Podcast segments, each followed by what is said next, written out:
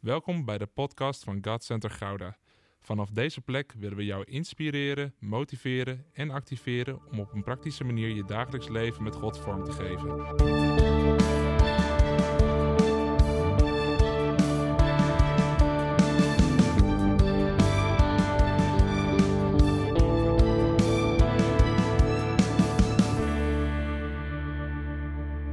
Het is, we hebben geen God die dood is.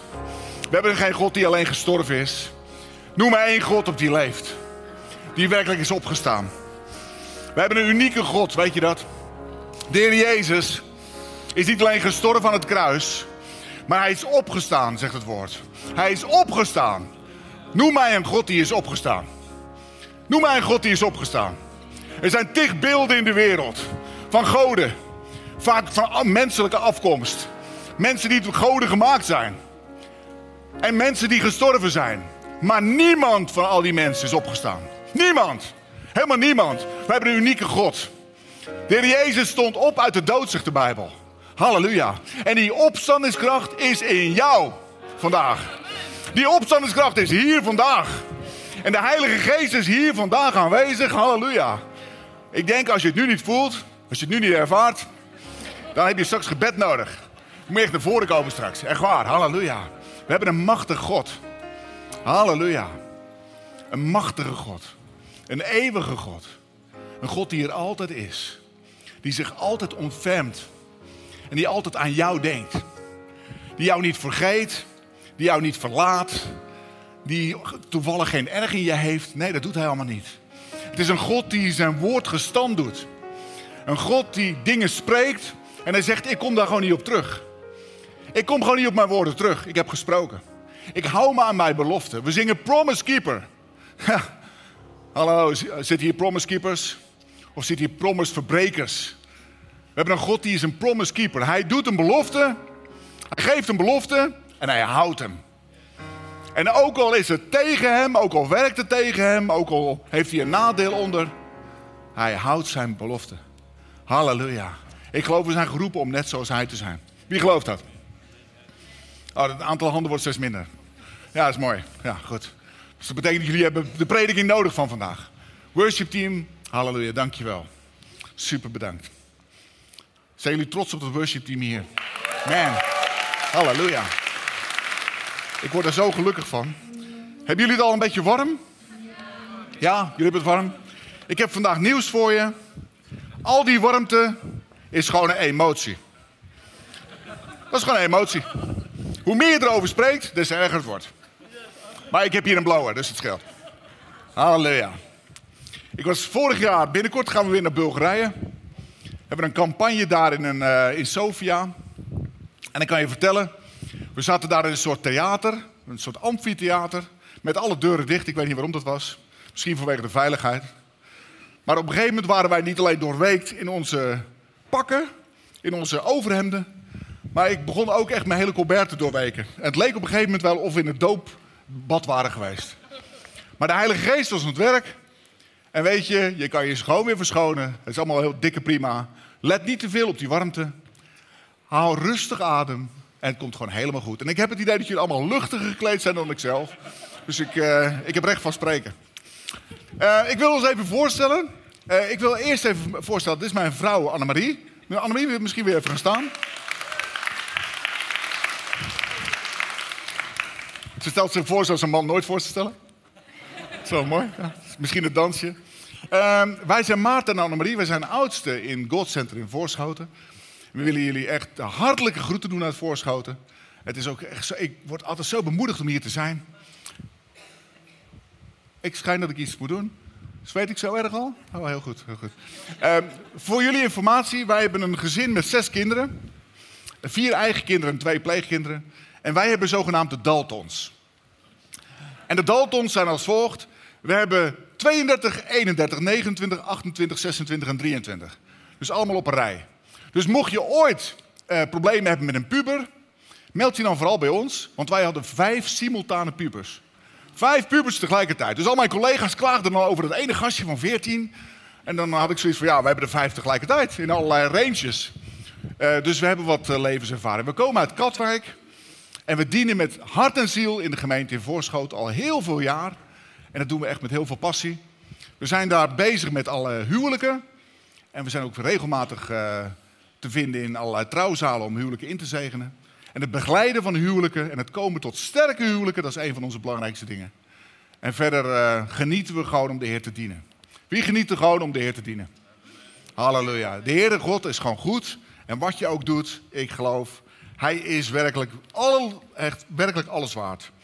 Ik heb vandaag um, een beetje bijzondere boodschap misschien. Uh, en de boodschap gaat over gedenken. En ik dacht bij mezelf, ja, zegt dat wel iedereen? Wie, heeft er een soort idee bij gedenken? Gedenken, gewoon gedenken. Het wordt wel steeds minder met die handen, dus ik moet wel echt heel veel uit gaan leggen, denk ik.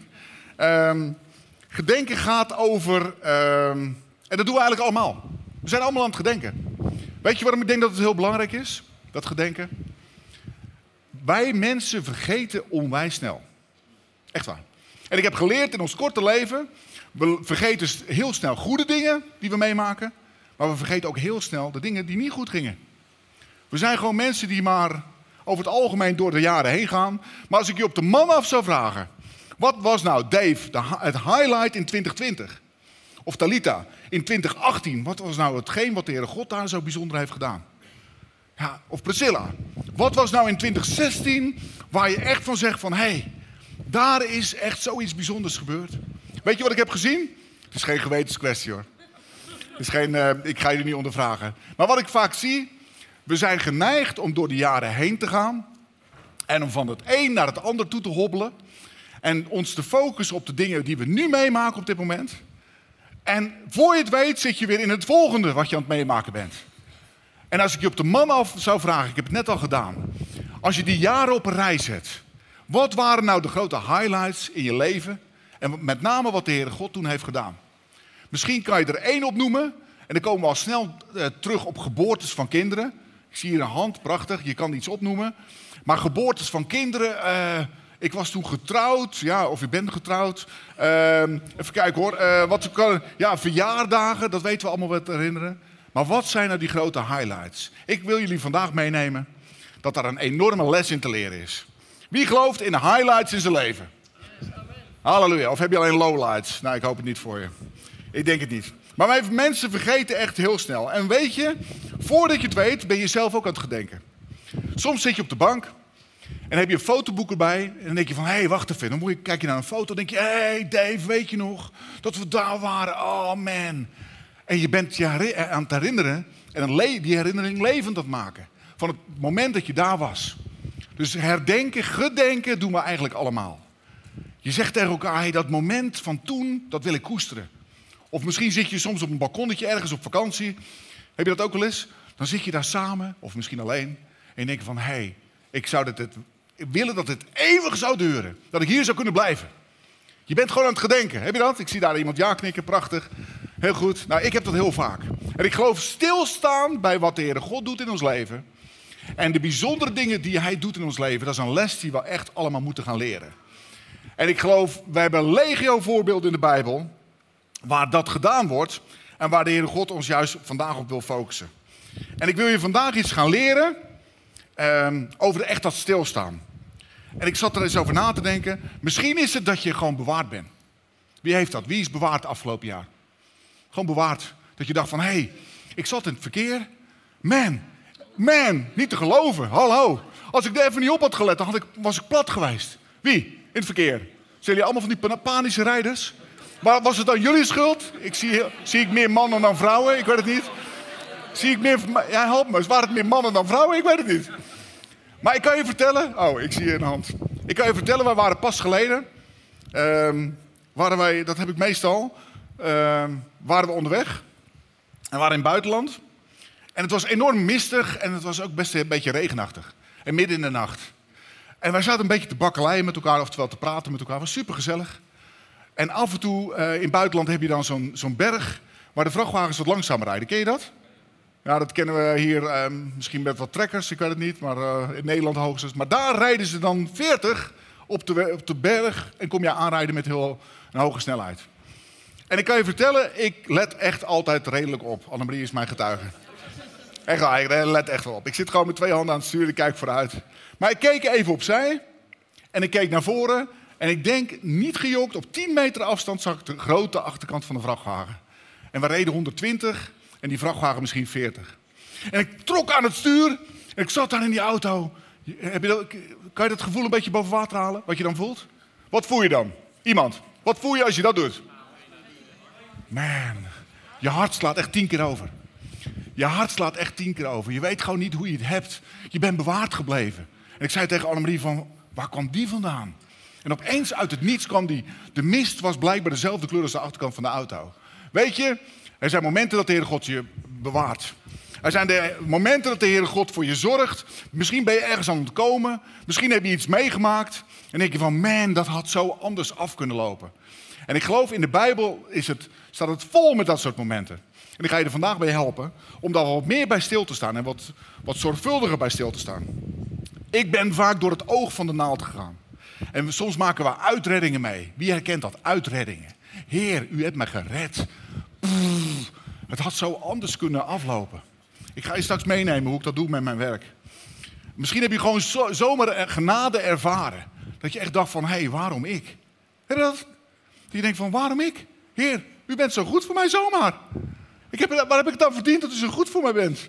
Nou, bij die momenten gaat u straks na deze prediking een heel stuk vaker stilstaan. Echt waar. De Heere God, ik wil even kijken naar wat dat gedenken dan betekent.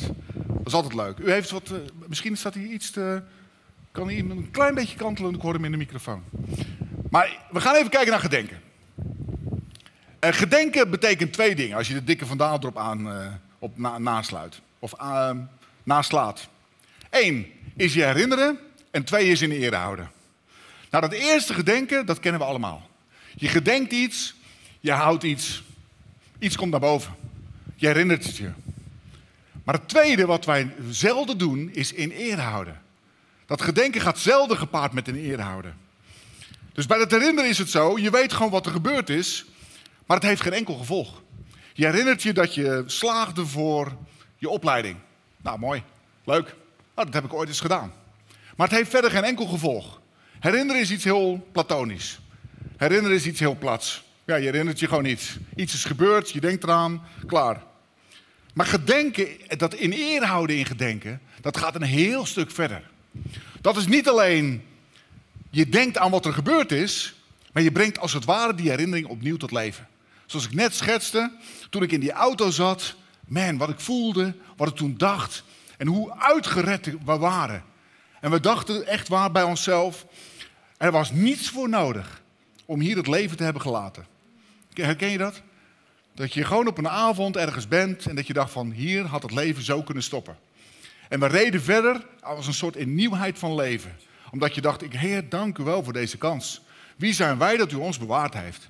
Dus je staat stil en je houdt het moment, dat moment zal ik ook nooit meer vergeten. Niet dat ik niet dat iets vaker heb meegemaakt, maar zo en zo recent en zo bijzonder, zo extreem. We houden dat moment vast. Dat de Heer ons echt heeft bewaard. Volgende stap is, en dat is eigenlijk een hele mooi voorbeeld heb ik daarvan. Dat herinneren is niet alleen in ere houden of eraan denken, maar de Bijbel leert ons, het is ook doen. Het is handelen naar die herinnering. Nou, daar gaan we zoiets meer over vertellen. Voorbeeld daarvan is, de Bijbel zegt gedenk de Sabbatdag. Wie kent dat nog? Gedenk de Sabbatdag.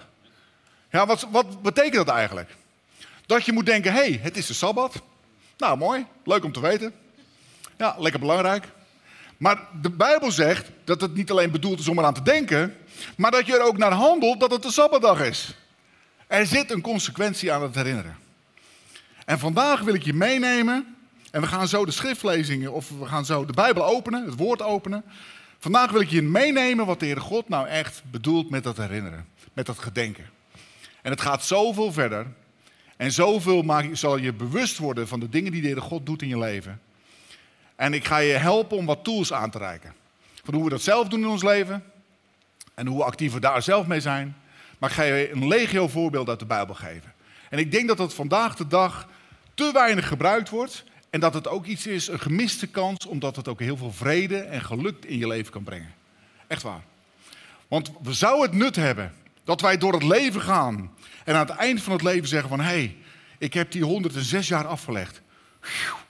Man, ik heb het gehaald. Ik heb het afgelegd. Of kunnen we terugkijken op een aaneenschakeling van wat de Heer God heeft gedaan toen ik acht was, toen ik negen was, toen ik twaalf was, toen we getrouwd waren, toen de kinderen waren geboren, toen de Heer God heeft voorzien. Een hele reeks van momenten waar de Heer God dingen heeft gedaan. Ik geloof dat het laatste is een heel stuk, een hele andere getuigenis. Niet alleen het leven doormaken, en dat is wel iets wat we vaak doen, van jaar op jaar. Wist je, misschien even een zijstapje. Ik word er steeds meer vaker bij, uh, bij stil, sta bij stil.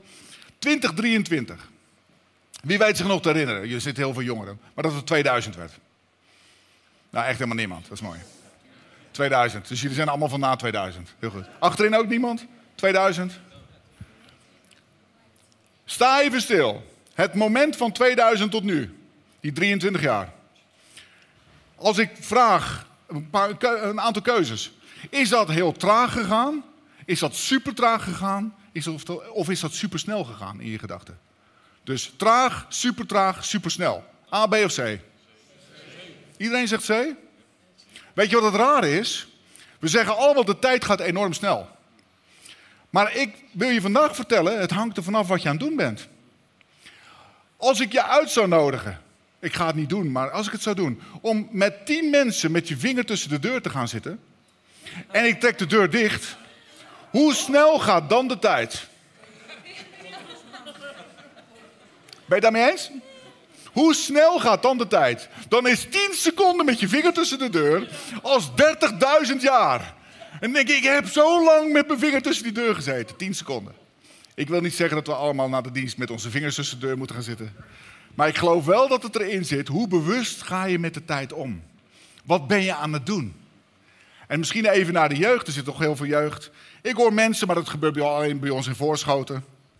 Die zitten te binge-watchen. Ik vind het een mooi woord. Ik heb er even over na moeten denken. Maar als je een serie uitkijkt en die duurt 12 uur. Echt super gaaf. Heel mooi. Ja, echt uh, goeie, goed tijd, tijdverdrijf. Wie kent het begrip tijdverdrijf? Of is dat iets uit mijn generatie? Tijdverdrijf. Weet je, misschien toch even een zijstapje. Wij zitten vaak in hotels en dan zitten we te kijken naar andere mensen. Vind je dat ook een leuke sport? Gewoon kijken naar andere mensen. Gewoon naar andere mensen. Leuk. Tijdverdrijf. Ik zou je twee voorbeelden opnoemen. Er zaten vier uh, mensen tussen de 80 en de, uh, en, nou, okay, en de 90, zeg maar. En ik dacht echt van, nou, als je eenmaal 80 bent, dan heb je natuurlijk zoveel te delen met elkaar. Maar weet je wat de grootste volkssport tussen de 80ers is vandaag de dag? Ik wist het niet. Maar dat is met zo'n tablet, ik heb er ook een, ja, ligt daar. Dit formaat is um, zo'n spel spelen waar al die, uh, iemand kent het, waar al die dingetjes bij wegvallen elke keer. Dus. Candy Crush, de tachtigers vandaag de dag. 80. Ik ben 80 en ik speel een spel. En we zaten in een hotel en die mensen zaten gezellig bij elkaar. Er stond wat drinken bij en ze waren dat met z'n vier aan het doen. Geen enkel contact. Als je zo 80 wordt, geloof me, dan kijk je terug op een leven, je, eh, voordat je het weet, waarin niet heel veel gebeurd is. En heb je meer overleefd dan geleefd.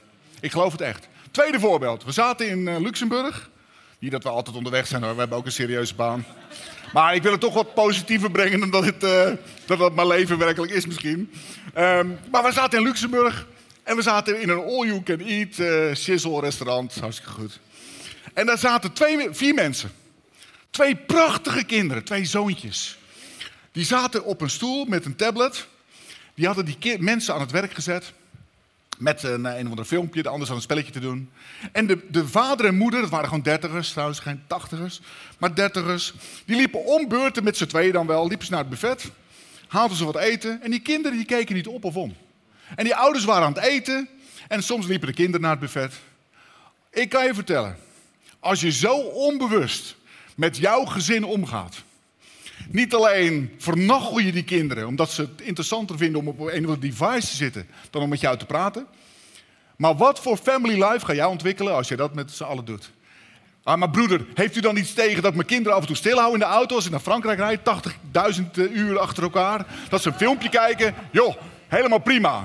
Maar als jij niet uit eten kan, als jij geen moment zonder een of ander device kan, en je kinderen liever achter zo'n device zet, dan even communicatie met elkaar hebt, ik geloof, je mist iets. Als ik bij jou ben, en jij bent mijn kind, wil ik werkelijk alles van jou weten. Echt. Ik ben benieuwd wat je aan het doen bent. Ik ben benieuwd wat je, wat je drijft, wat je doelen zijn. En ik kan je vertellen, de meeste mensen vinden het superleuk om iets te vertellen over zichzelf. En ik, nou, weet je, ik, ik wijk even af van het onderwerp. Maar ik geloof echt bewust met de tijd omgaan. We gaan naar de schriftlezing. Jozua 3. Jozua 3, vers 14 en Jozua 4 tot en met, van 1 tot en met 11. Ik, heb, ik wist dat jullie allemaal gingen staan. Dus ik heb echt zo'n stuk uitgekozen. dat jullie werkelijk echt nog veel warmer krijgen. Ik heb er echt zin in. Jozua 3, vers 14. Toen het volk het kamp had opgebroken om de Jordaan over te trekken, gingen de priesters die de ark van het verbond droegen voor het volk uit. Komt ie. Zodra de priesters bij de Jordaan waren gekomen en hun voeten door het water werden omspoeld, Jordaan stond de hele oogsttijd buiten zijn oevers, kwam het water tot stilstand. Iemand zegt tot stilstand. En vormde het een dam, heel in de verte bij de stad Adam, die vlak bij Saratan ligt. Het water dat naar de Zoutzee ging, oftewel de Dode Zee, dat stroomde helemaal weg. Het volk trok over ter hoogte van Jericho. De priesters die de ark van het verbond met de Heer droegen, bleven precies in het midden staan. Brave gasten. In, van, in de bedding van de Jordaan. Terwijl heel Israël overtrok tot de laatste man. Nadat het hele volk, eh, hoofdstuk 4, de Jordaan was overgetrokken, zei de Heer tegen Jozua: Kies nu twaalf mannen uit, uit elke stam.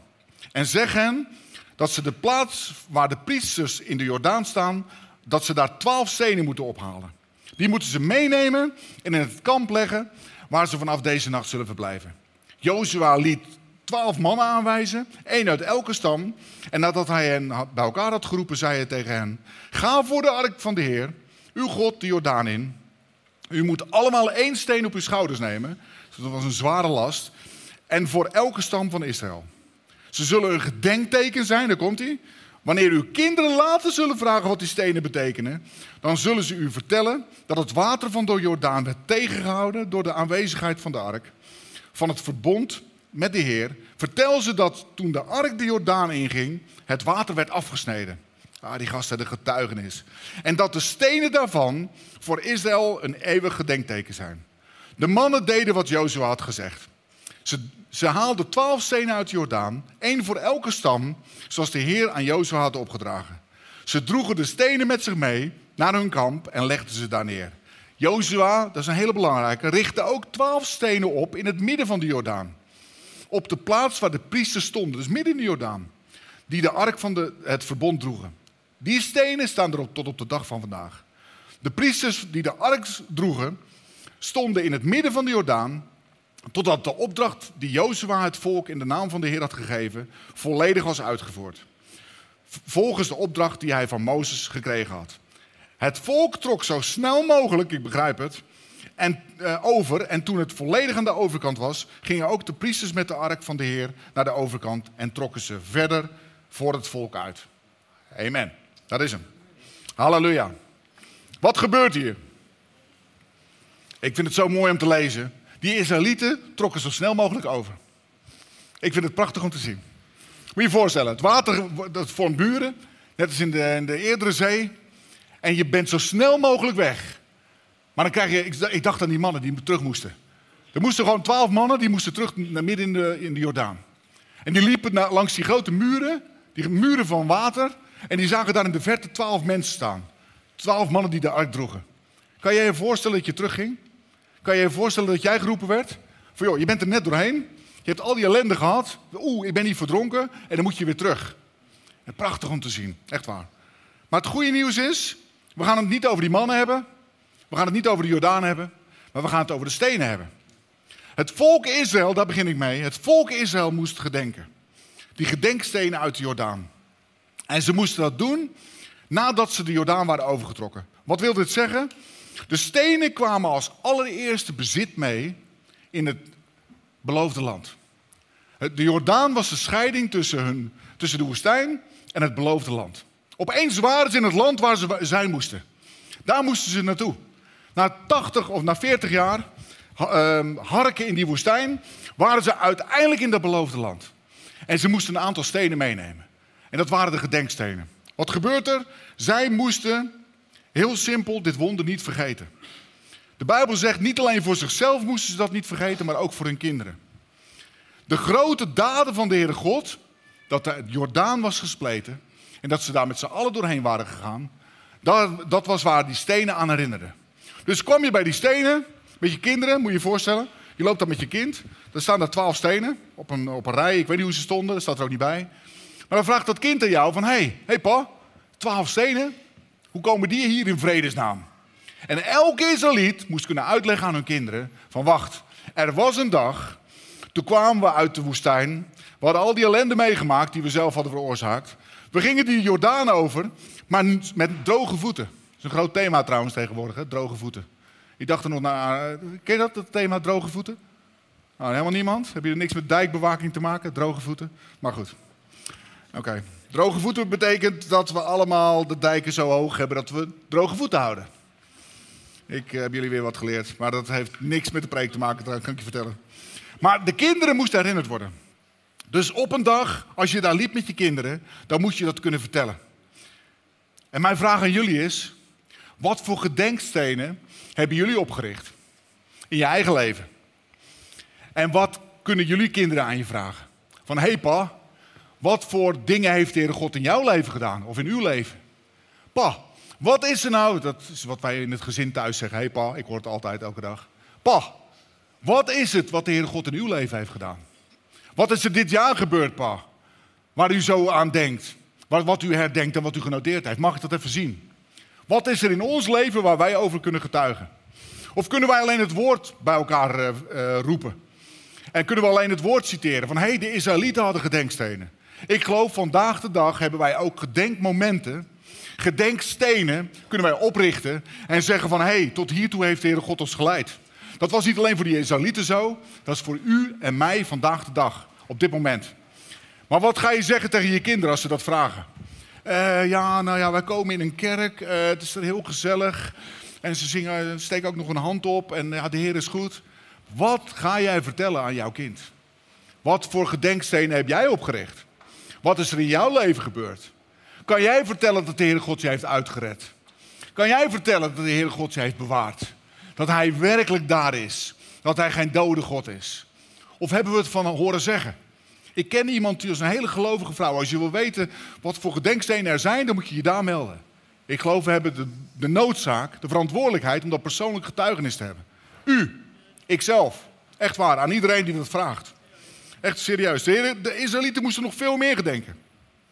En weet je wat me zo opvalt? Deuteronomium zegt dat, eh, Deuteronomium 5, maar ook 8. Denk aan het moment dat je nog slaaf was. Het staat er zo vaak, voor een reden. Denk aan het moment dat je nog in het koninkrijk van de duisternis was. En het wordt niet één keer gezegd, het wordt gewoon tachtig keer gezegd in de Bijbel. De Israëlieten moesten elke keer denken, herdenken aan het moment dat ze daar waren. Weet je waarom? Dat we terugdenken, dat we genade krijgen voor de mensen om ons heen. Dat we niet denken van, oh ja, ik ben gered. Oh, wat heb ik het goed. Wat gaaf, wat mooi. Maar dat je terugdenkt van, hé, hey, als jij iemand ziet op straat. Of die zwerven daar in het centrum van Gouda. En je, loopt een blokje om, je denkt van oeh, dat wordt wel heel erg moeilijk. Dat je denkt van hé, hey, wacht, ik was ook verloren. Ik was daar. Ik was net zo daar in die duisternis. De Israëlieten werden elke keer op een punt gewezen. Denk, herdenk dat je daar was. Dat je de tocht 40 jaar hebt meegemaakt. Elke keer werden ze daaraan aan herinnerd. En ik geloof dat gaat nog veel dieper, maar dat is een andere preek. Bedenk dat jij zelf ook slaaf bent geweest. Of ben je dit doet me een beetje denken aan trouwens die rokers. Ik weet niet waarom ik dat voorbeeld krijg. Ken je, ken je die, die ex-rokers? Heb je daar wel eens mee te maken gehad? Of zijn jullie zo braaf dat er niemand ooit gerookt heeft? Nee? Ik zie dan twee handen van mensen die nooit gerookt. Drie handen van mensen die nooit gerookt hebben. Oh, oké. Wie heeft hier gerookt en wie heeft er niet gerookt? Gerookt. Wie heeft gerookt? Stelletje verslaafden. Ongelooflijk. Jullie zijn echt... Maar heb je wel eens gesproken met mensen die, uh, die bevrijd zijn van roken? En die dan heel negatief zijn over iemand die rookt. Ken je dat? Dat is mooi, hè? Dat is zo mooi. De grootste extremelingen, dat zijn de mensen die gerookt hebben. Echt, die, die hebben, als daar een roker in de buurt komt, dan moeten de gordijnen moeten naar de stomerij en een pak moet gestoomd worden. Dat zijn de meest kritische figuren.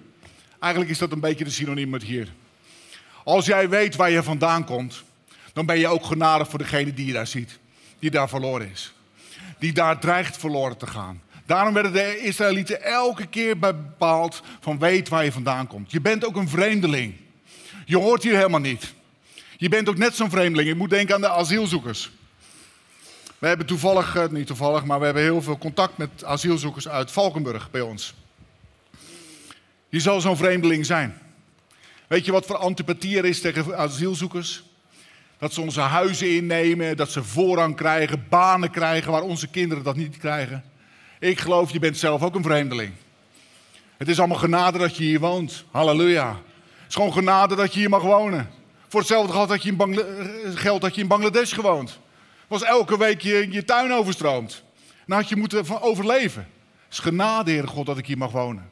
Maar dat we de vreemdelingen ook zullen ontvangen. Je bent zelf ook een vreemdeling geweest. De Bijbel zegt, maak je hart een beetje mild. En ik geloof dat de Heere God dat vandaag wil zeggen. Zorg dat je hart mild blijft. Weet je wat we in Nederland zeggen? Als je door een situatie gaat, ik vind het altijd leuk om te horen. hey, moeilijke situatie, kerel, hou je taai. Ken je die uitspraak? Hou je taai. Of praat ik uit een andere decade? Ik weet het niet. Ja, het zou ook kunnen hoor, corrigeer, me. Maar dat is een uitspraak in Nederland, hou je taai. De Bijbel leert ons om mals te blijven. Hou je mals. Hou je hart zacht. Hou je hart mild. Hou je hart altijd zacht. Blijf altijd omzien naar al die andere gasten. We gaan snel door, anders bent u echt door uw, uh, straks door de lunch heen ongeveer.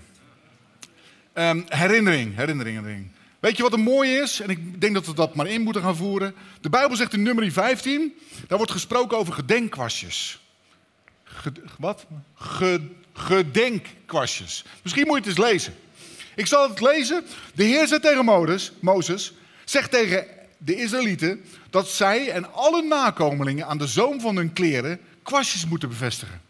Waarin een blauw-purperen draad verwerkt is. Bij het zien van die kwastjes, ja, hier staat hoogste skanda denk ik of zo. Maar bij het zien van zo'n merkteken zullen jullie herinnerd worden aan alle geboden van de Heer. Zodat jullie die naleven en mij niet ontrouw worden.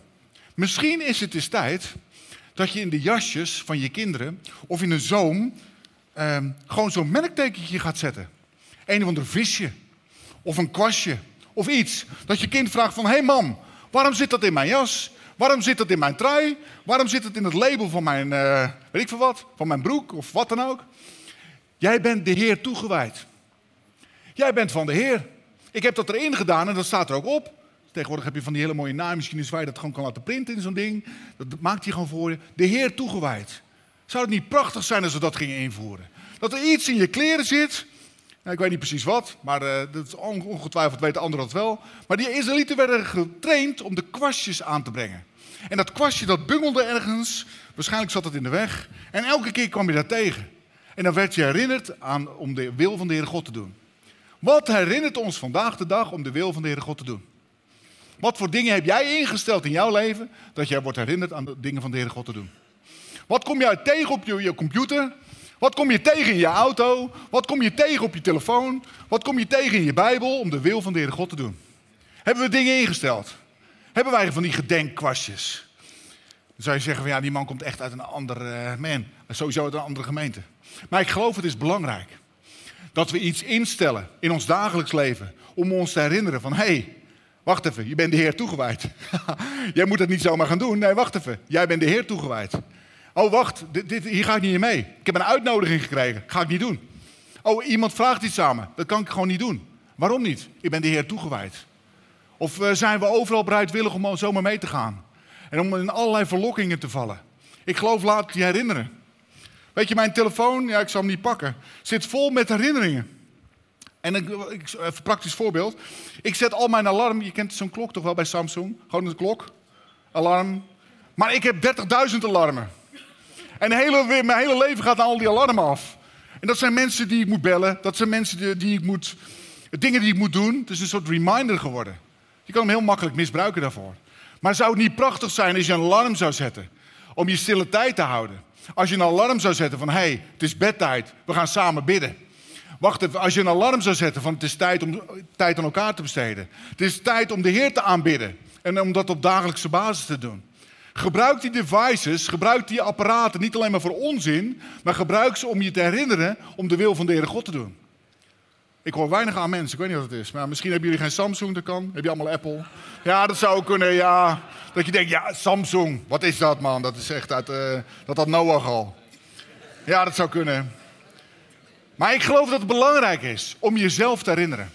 Weet je, ik heb het al gezegd, maar mensen zijn nou eenmaal, zoals de ondergetekende, we zijn gewend om dingen snel te vergeten. Snel over dingen heen te stappen. En zelfs de moeilijke dingen. Tweede heb ik. Ik heb maar acht punten, dus het valt mij. Ik ben bij twee. De Heere gedenkt. Dat begint al in Genesis. Ik ga je iets gevoeligs vertellen. Wat me altijd echt raakt. In Genesis 9, vers 14 staat. Wanneer ik de wolken samendrijf boven de aarde. En in die wolken de boog zichtbaar uh, wordt. Dan zal ik denken aan mijn verbond met jullie en met al wat leeft. En nooit weer zal het water aanzwellen tot een vloed dat alles en iedereen vernietigt. Ik heb het hier over de regenboog. Ik heb het hier over de regenboog. Iets wat, wat mij betreft echt gejat is van ons. Echt serieus. Gewoon gestolen. Het is gewoon echt gestolen. Als je vandaag de dag met een regenboog... Moet je je voorstellen. Je hebt een regenboog op je boekje op je werk. Gewoon op je notitieboekje. Dan zullen weinig mensen nog zeggen van... Nou, die man, hè, de ark van Noach. Man, halleluja. Die man die wordt bewaard. Dat vast een christen. Over het algemeen zou je aangesproken worden op een andere manier. Ik geloof, de Heere God heeft een verbond met ons. En hij gedenkt daaraan. De Heere God doet het zelf ook. En of hij nu gejat is of niet, ik geloof we moeten daar weer in gaan staan. Misschien moet er een ander merkteken inkomen in die regenboog, dat je het weer op je auto kan zetten. Iets van Jezus leeft, een prachtige vis eroverheen, zo'n vis. En dan een regenboog er doorheen.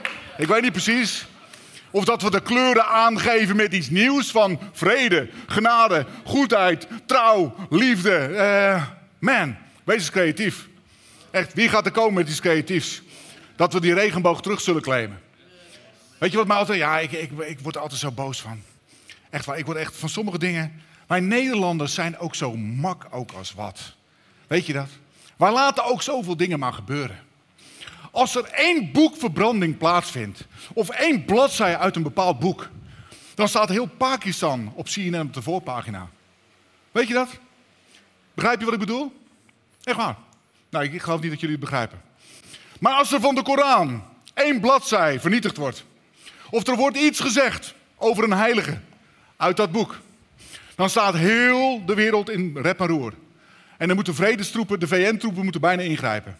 Maar als de naam van de Heer Jezus door het slijk wordt gehaald, als daar werkelijk de meest bagger ellende mee uit wordt gehaald, waar staan die christenen met die spandoek op het, uh, op het uh, Eerste Kamerterrein of weet ik veel wat, in Den Haag, in het centrum?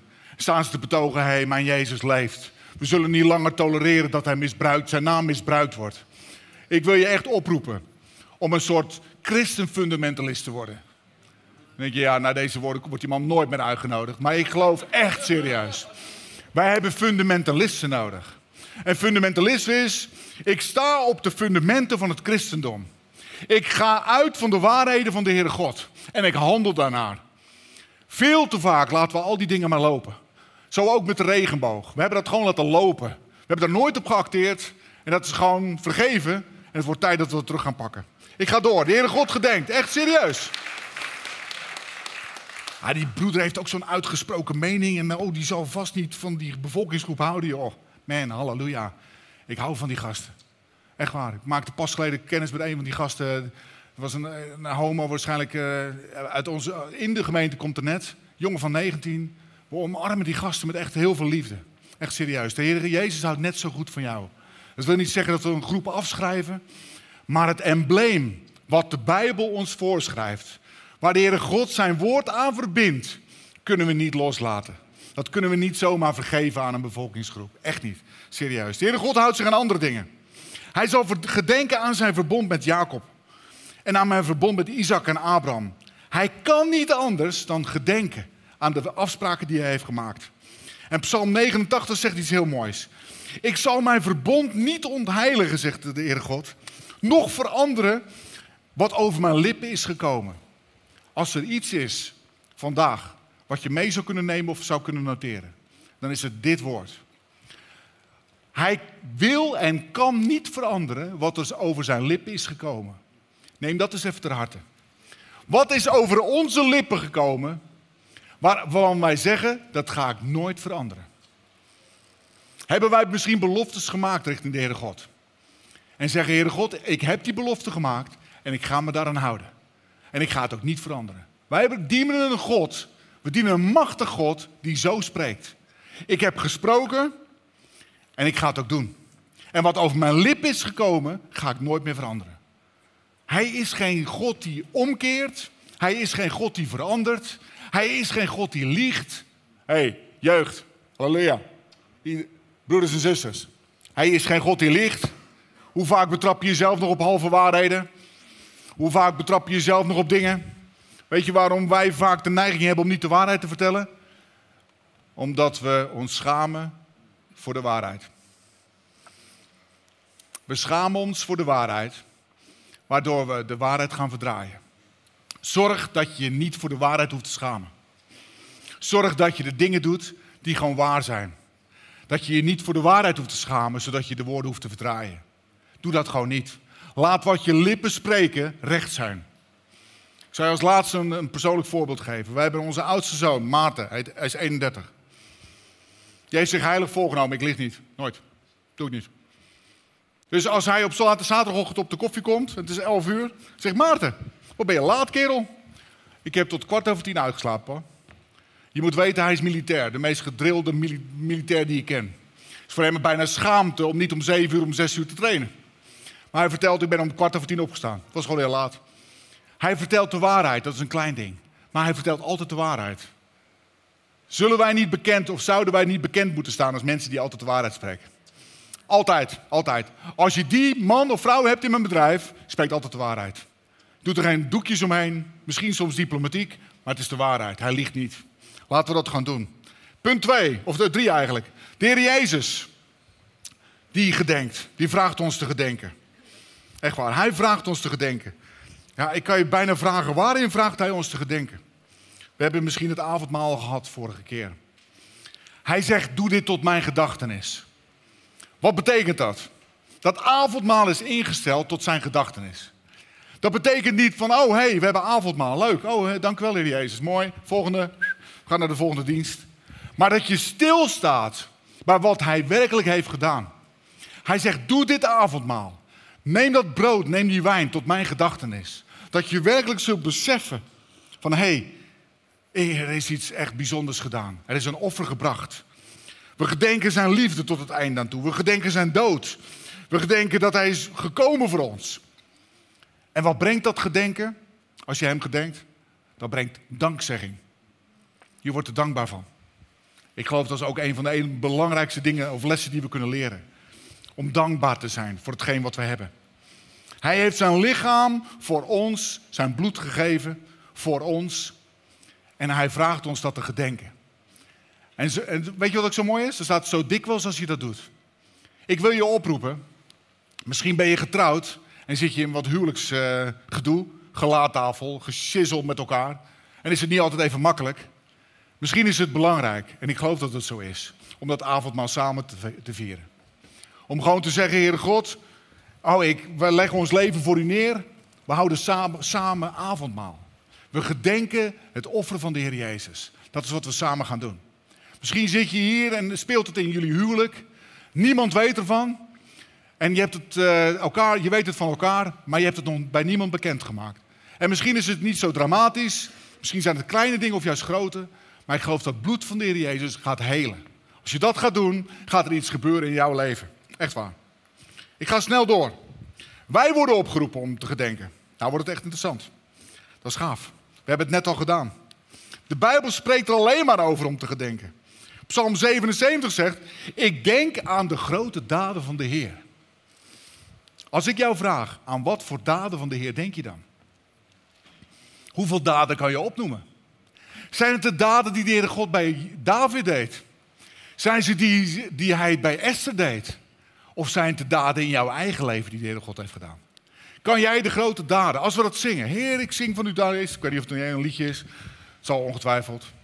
Maar ik zing van de grote daden. Zijn het de, de daden van degene die je kent uit het woord? Of zijn het je eigen daden? Heb je dat je toegeëigend? Ik geloof vandaag wil ik je wat tools geven om daar echt persoonlijk over te kunnen zingen. Dat die daden aan jou gedaan zijn.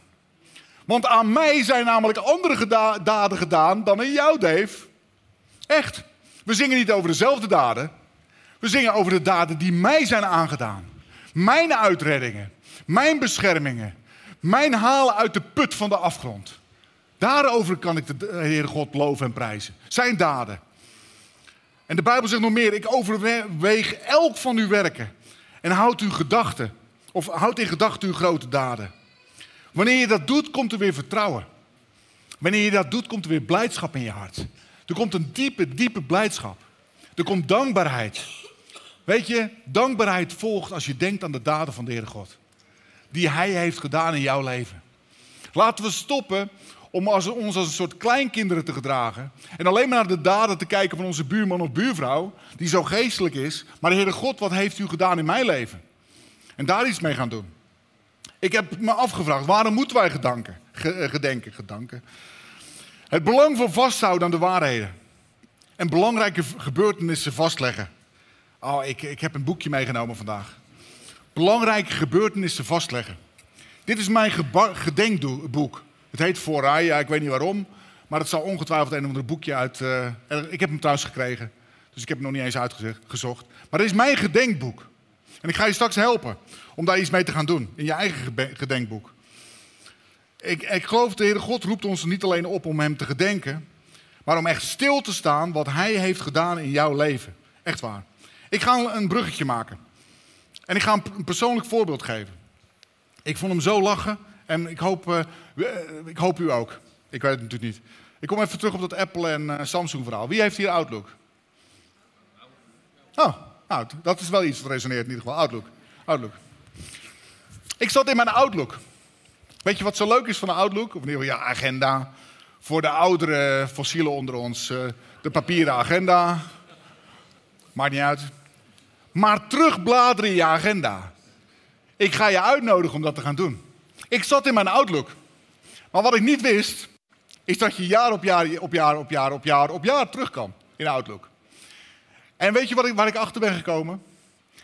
Als er een dankmoment is, of een gedenkboek, of iets wat je gaat helpen om dat gedenkboek te vullen, dan is het wel je agenda. Want je agenda vertelt precies wat je hebt gedaan. Het vertelt je precies waar je doorheen bent gegaan al die tijden. En ik ging terug naar 2000. 10, 5. Ik ging terug naar 2000. Ik ging terug naar 1835 uh, ergens. Ik ging echt zo ver terug. En ik ging doorbladeren wat daar allemaal was gebeurd. Ik kwam stil te staan bij meetings die ik al lang al was vergeten. Waar ik met klotsende oksels naartoe moest, omdat ik dat moest presenteren. En dat ik echt dacht van, Heer, help me alsjeblieft. En weet je, de Heere God heeft me er altijd doorheen geholpen. En hoe meer ik in dat Outlook aan het swipen was, des te meer ik dankbaar werd voor wat de Heer God in mijn leven had gedaan. Des te meer ik zag van wauw, toen, toen ik voor, naar het ziekenhuis moest voor die uitslag. U misschien. Of dat ik dat onderzoek had.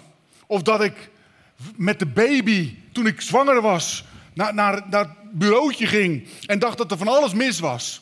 Maar dat ik gerust werd gesteld en dat ze gezond is opgevoed of opgegroeid. Al die dingen die je hebt meegemaakt, staan in die simpele agenda. En ik wil je vandaag uitnodigen, dat was de aanleiding van Outlook. Wanneer je daarin gaat bladeren, heb je zoveel voeding om te zeggen, Heere God, op dat moment, in dat jaar, daar heeft u me bewaard. U heeft me daar beschermd. Daar heeft u me doorheen geleid. Heer, dat ging wel niet goed, maar ik ben er zoveel beter uitgekomen. Heere God, u heeft me bewaard. U gaat zoveel redenen krijgen wanneer je daar doorheen gaat. Daarom heb ik mijn persoonlijk gedenkboek. En een gedenkboek, daar schrijf ik gewoon simpelweg op. Het zijn soms predikingen, maar het zijn ook dingen die ik meemaak. Ik geloof dat wij op worden geroepen in dit woord vandaag om, veel, om die gedenkstenen op te gaan, gaan richten. En weet je wat de gedenkstenen voor mij zijn? Dat zijn simpelweg de gebeurtenissen die ik meemaak. En de gebeurtenissen van afgelopen week. De gebeurtenissen van afgelopen half jaar. Weet je, gemeente, we zijn bijna door de helft van het jaar. In de nacht van 1 op 2 juli om 12 uur s'nachts zijn we exact door de helft van het jaar. En als ik je op de man of vrouw af zou vragen, wat heeft de Heere God voor wonderbare dingen afgelopen half jaar gezegd of gedaan in jouw leven, dan denk ik dat je er eventjes naar moet zoeken. Of het is gisteren gebeurd.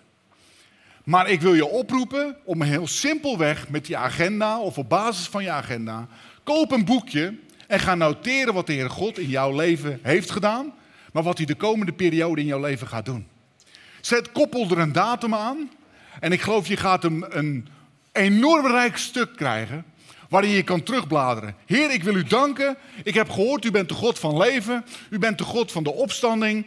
U hebt, u hebt alle macht en kracht. Maar wacht. Heere God, u hebt mij geholpen op 18 oktober 2018. Heer, met die mega uitredding. Ik stond helemaal klem. Maar u bent de God van uitredding. In mijn situatie. U hebt mij geholpen op 19 september 2019. Heere God, ik dacht dat ik het leven liet.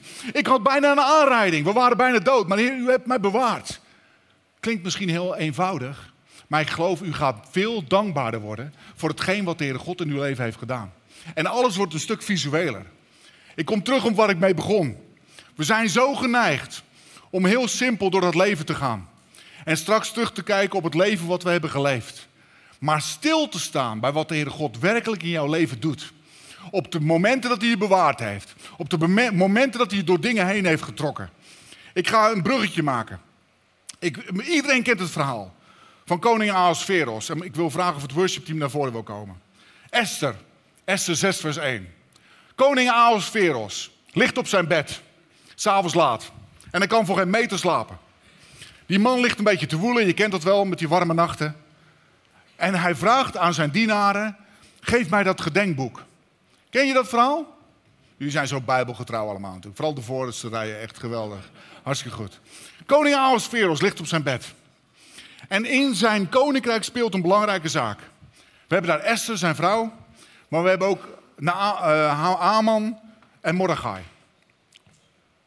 En die twee, daar is het een en ander mee aan de hand. We kennen allemaal die geschiedenis. En er wordt voorgelezen van wat er is gebeurd. Die koning, die heidense koning, had een gedenkboek. Echt waar. Hij had een boek waarin hij de, de zaken bijhield. Noem het een dagboek, noem het een aangevulde agenda. Maar op basis daarvan werden in zijn koninkrijk dingen rechtgezet. Ik geloof vandaag de dag, en dat is de opdracht echt voor jullie, het huiswerk wat ik je mee wil geven, ga een gedenkboek aanleggen. Of je nu 20 bent, of 15, of 40 of 30. Het zou toch schitterend zijn als je tegen je vrouw kan vertellen: afgelopen jaar, Corrie, Jannie, uh, wie het ook is, Annemarie. Afgelopen jaar heeft de Heere God ons 45 keer bewaard, 33 keer uitredding gegeven en 25 keer voorzien op momenten dat we niet wisten meer hoe het had gemoeten. Waar ben ik dankbaar voor?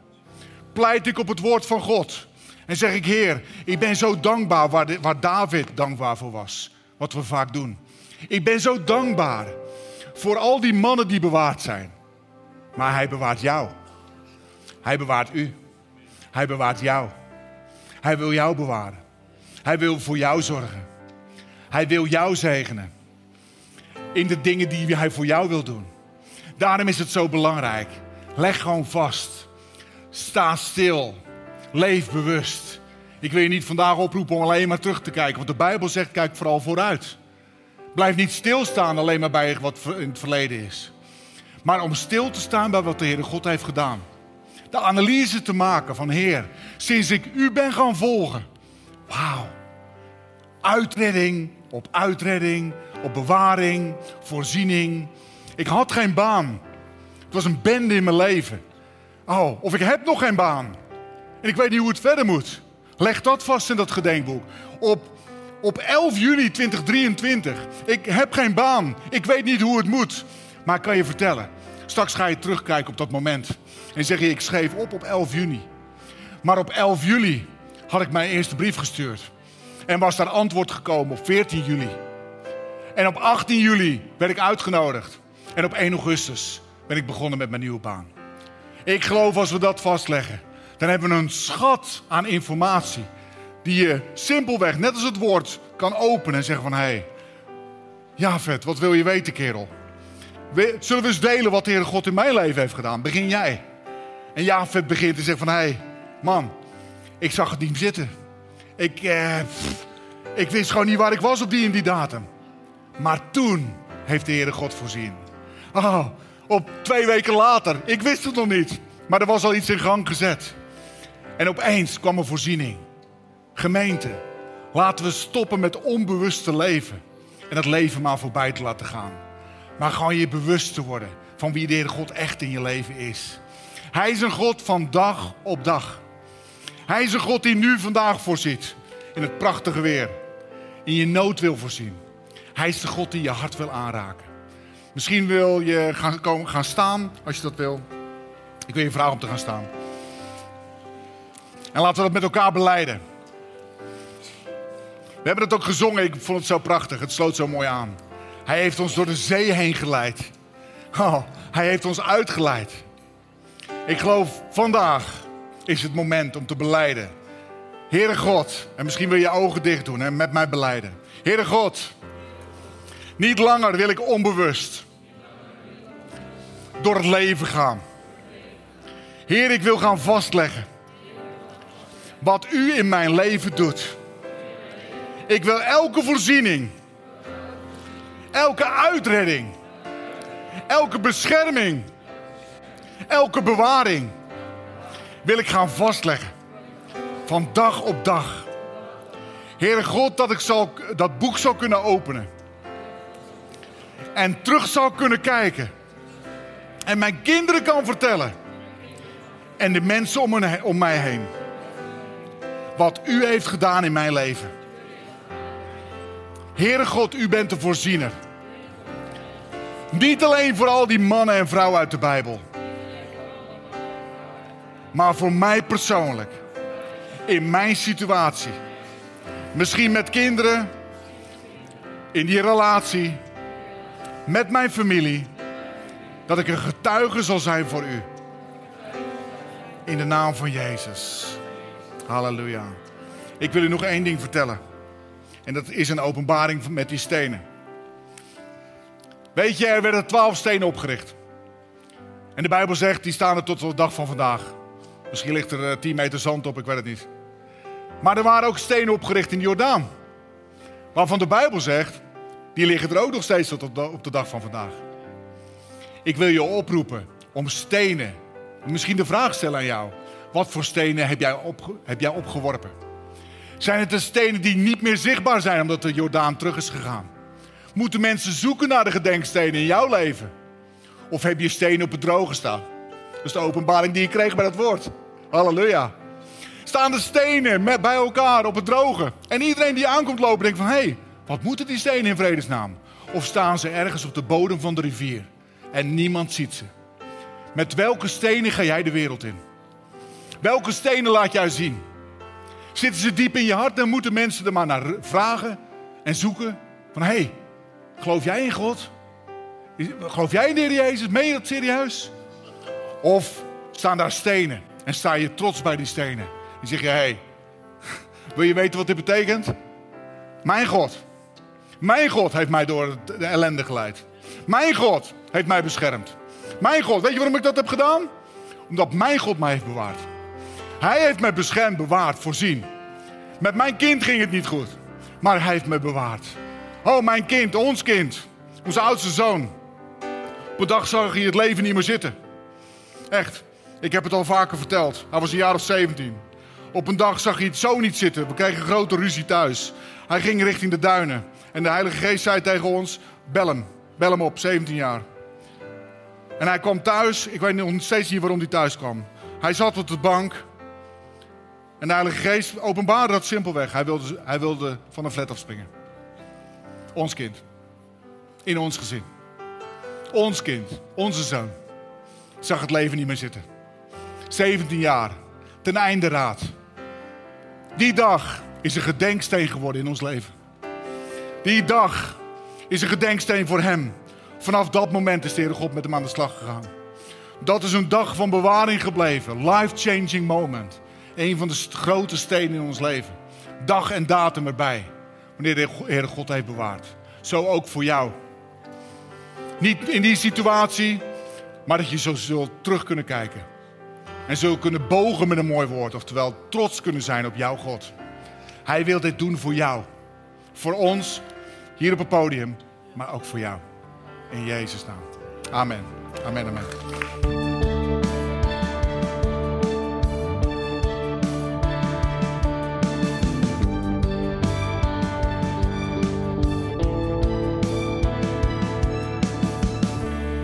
Bedankt voor het luisteren naar deze podcast. Volg ons op onze kanalen om verbonden te blijven. Heeft deze aflevering jou geraakt? Deel dan op je socials en tag ons, zodat we samen meer mensen kunnen bereiken.